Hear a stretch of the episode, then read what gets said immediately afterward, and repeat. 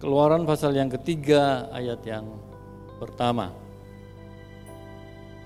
Adapun Musa, ia biasa menggembalakan kambing domba Yitro mertuanya, imam di Midian.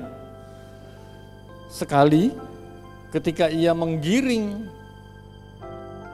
kambing domba itu ke seberang padang gurun, sampailah ia ke gunung Allah, yakni gunung Horeb.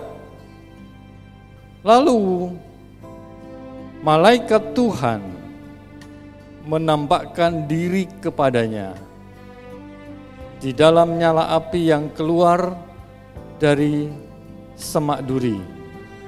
Lalu ia melihat dan tampaklah semak duri itu menyala, tetapi tidak dimakan api. Musa berkata, "Baiklah, aku menyimpang ke sana untuk memeriksa penglihatan yang hebat itu. Mengapakah tidak terbakar semak duri itu? Adapun Musa, ia biasa menggembalakan kambing domba. Musa ini orang biasa, dia manusia biasa. Satu hari bertemu dengan Tuhan yang luar biasa. Tuhan yang luar biasa ini cara kerjanya tidak biasa di luar. Maksudnya begini. Dia ingin bekerja di dalam Musa. Dia ingin terlibat di dalam hidup Musa yang orang biasa ini. Dia mau lakukan sesuatu di dalam hidup Musa hari itu cara kerja Tuhan itu dia tidak biasa bekerja di luar. Cara kerja Tuhan ingin bekerja di dalam saudara dan saya. Dia ingin bekerja di dalam hati saudara. Dia ingin campur tangan di dalam pikiran saudara. Dia ingin terlibat di dalam cara saudara ambil keputusan dia ingin ikut campur di dalam urusan keluarga saudara. Dia ingin ikut campur lebih dalam lagi dalam urusan keuangan saudara. Dia ingin turut campur di dalam pekerjaan saudara dan aktivitas saudara sehari-hari. Lalu malaikat Tuhan menampakkan diri kepadanya di dalam nyala api yang keluar dari semak duri. Lalu ia melihat dan tampaklah semak duri itu menyala tetapi tidak dimakan api. Cara Allah kadang-kadang memakai cara yang tidak biasa untuk menyampaikan sesuatu kepada manusia. Tuhan kadang izinkan sesuatu tanda yang tidak biasa itu untuk menyatakan sesuatu buat saudara. Tujuan Tuhan adalah menarik perhatian Musa. Kadang-kadang Tuhan ingin mencari perhatian dari saudara supaya saudara tertuju kepada Tuhan dengan caranya yang tidak biasa supaya Tuhan tidak kehilangan saudara.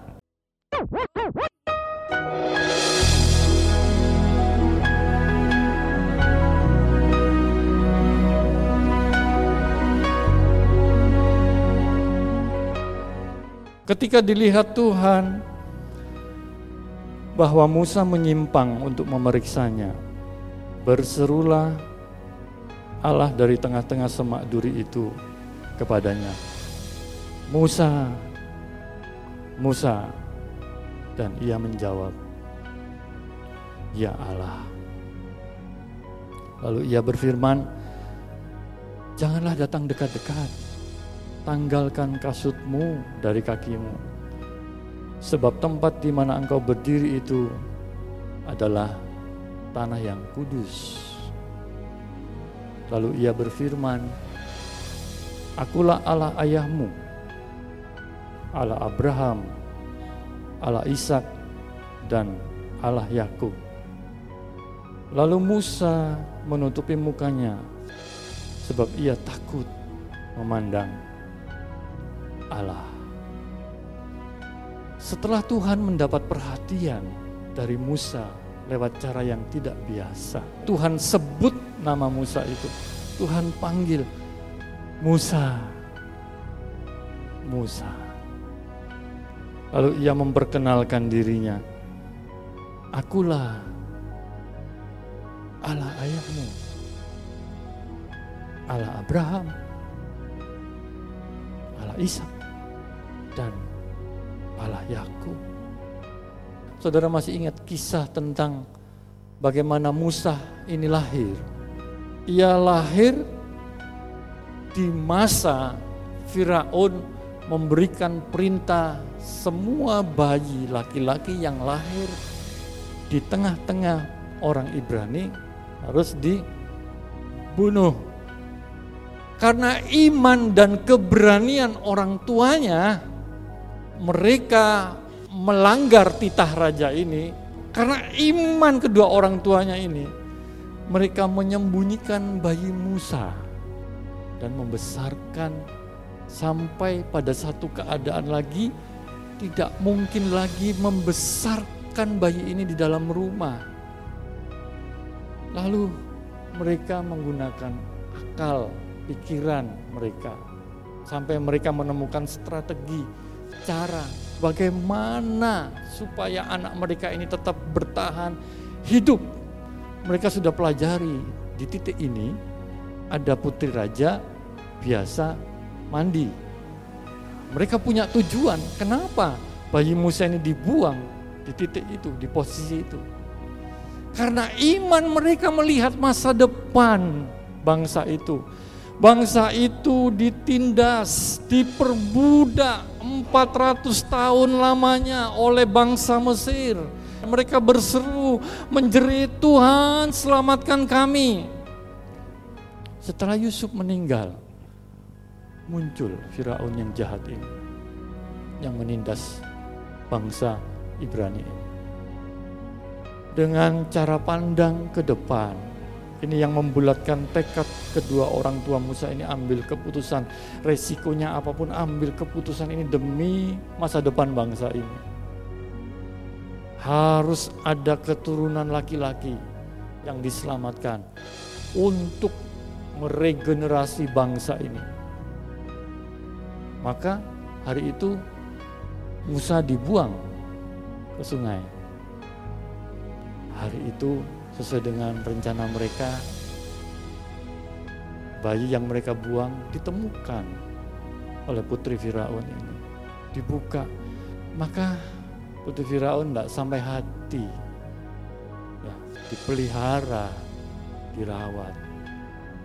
Dan tahu bahwa bayi ini masih perlu disusui maka dia cari orang di antara bangsa Ibrani yang bisa.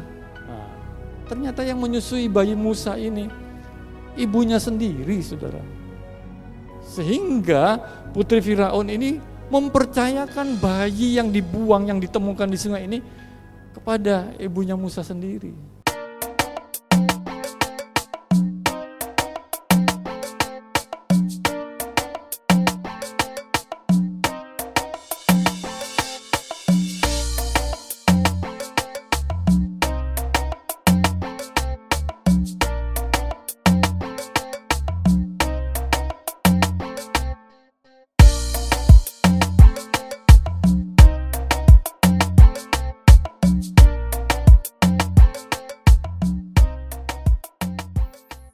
Bilangan 12 ayat 3, adapun Musa ialah seorang yang sangat lembut hatinya, lebih dari setiap manusia yang di atas muka bumi.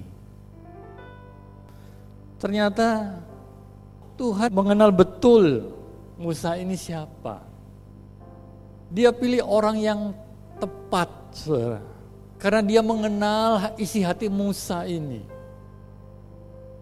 Pasti pertama-pertama dia bilang nggak mau.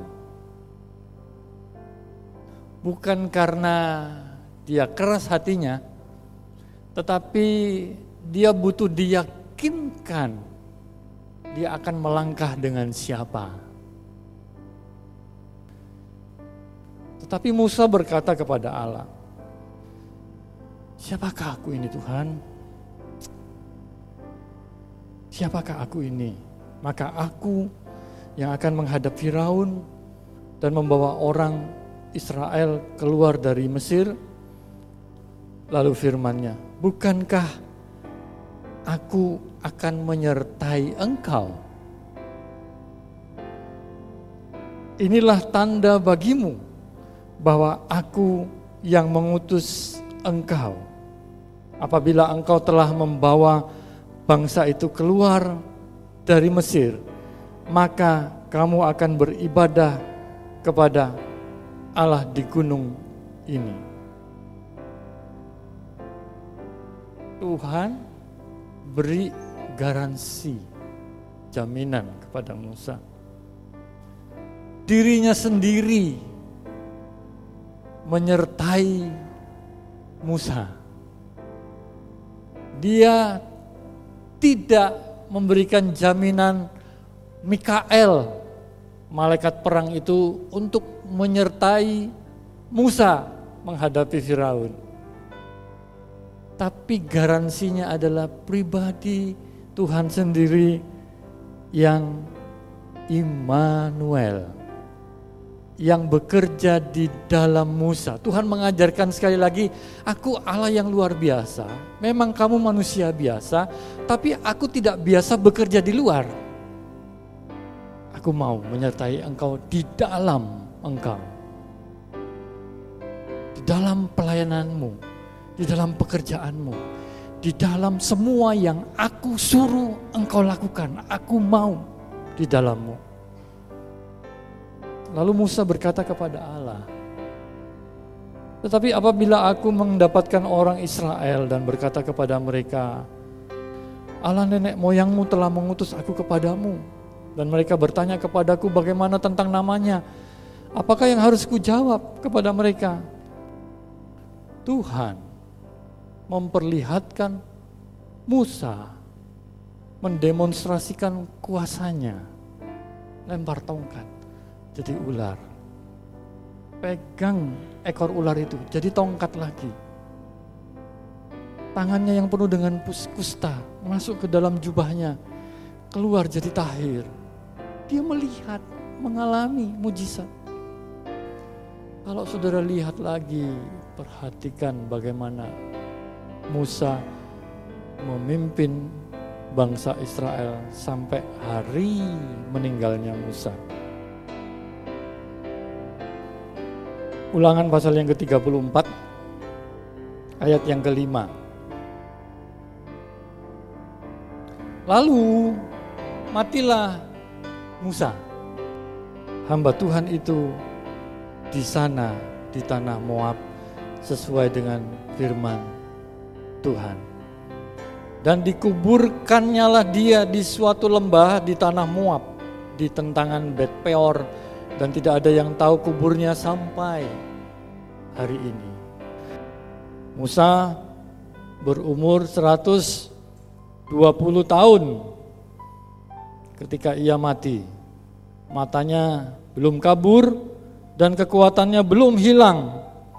Orang Israel menangisi Musa di dataran Moab 30 hari lamanya.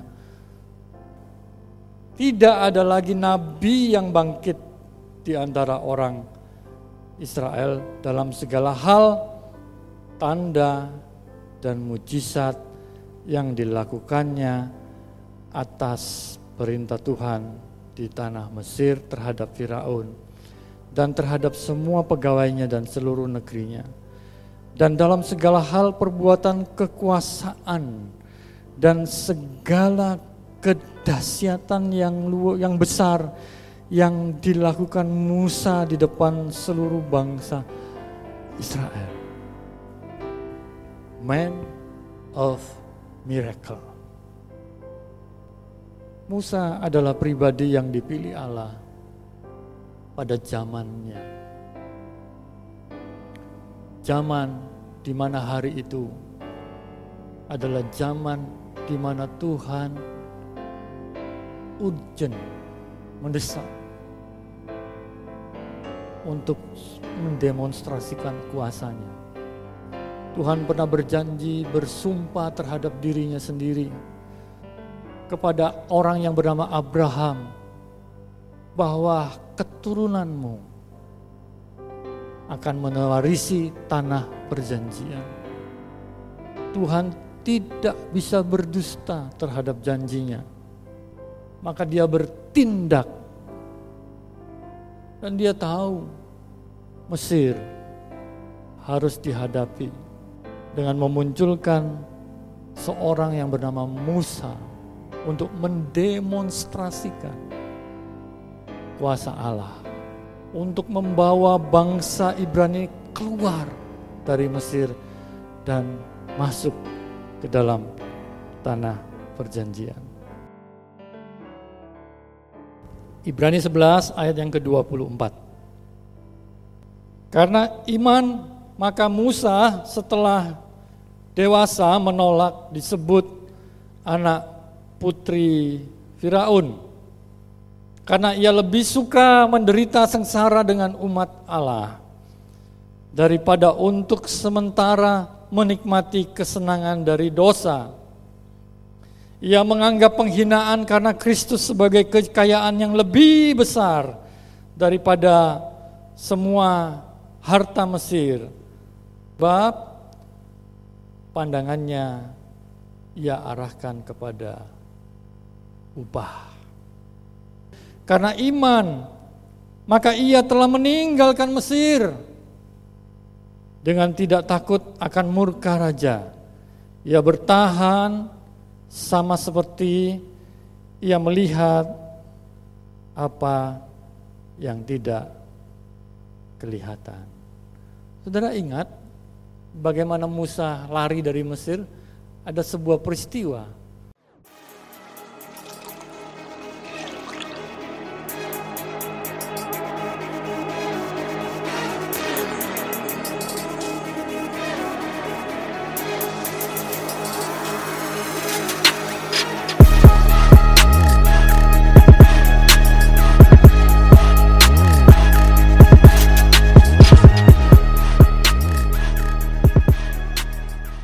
Satu hari dia melihat seorang tentara Mesir menyiksa, menganiaya orang Ibrani. Dia tidak terima, dia bunuh tentara itu, diam-diam dia kubur di dalam pasir. Keesokan harinya, dia bertemu dengan dua Ibrani, dua orang Ibrani yang bertengkar berselisih. Musa menengahi. Eh, kamu ribut-ribut apa? Begitu dia ngomong seperti itu, orang Ibrani ini ngomong begini sama Musa. Apakah kamu mau membunuh salah satu dari kami seperti yang kamu lakukan kemarin terhadap tentara Mesir itu? Wah, kaget Musa. Musa pikir kemarin gak ada yang tahu, gak ada yang lihat. Kaget ya, ketakutan dan dia mengambil langkah seribu Hus, lari dari Mesir. Tetapi dari hati yang paling dalam, perbuatan dia yang kemarin memburu prajurit Mesir itu disalah mengerti oleh orang Ibrani. Hatinya yang paling dalam adalah untuk melepaskan bangsanya dari penindasan. Itu sebabnya ia berani membunuh prajurit Mesir itu. Karena ia melihat ke depan. ia melihat pandangannya, ia lihat ke depan. Saya akan membebaskan bangsa Ibrani ini dari penindasan. Musa memulai dengan ide, pikiran, gagasan yang sudah benar. Tapi Musa melangkah dengan cara yang salah. Kita manusia penuh dengan ide, penuh dengan gagasan yang menurut kita cemerlang dan brilian. Kalau kita mulai dengan menempatkan Tuhan di luar semuanya itu, kita akan memulai bertindak dengan cara yang salah. Musa hari itu berpikir, inilah saatnya, yes. Inilah harinya aku bertindak. Dia mengambil keputusan tindakan yang salah. Tuhan melihat semuanya itu bagaimana perjalanan hidup seorang yang namanya Musa. Dari dia lahir, bagaimana dia dibesarkan, dididik secara Mesir.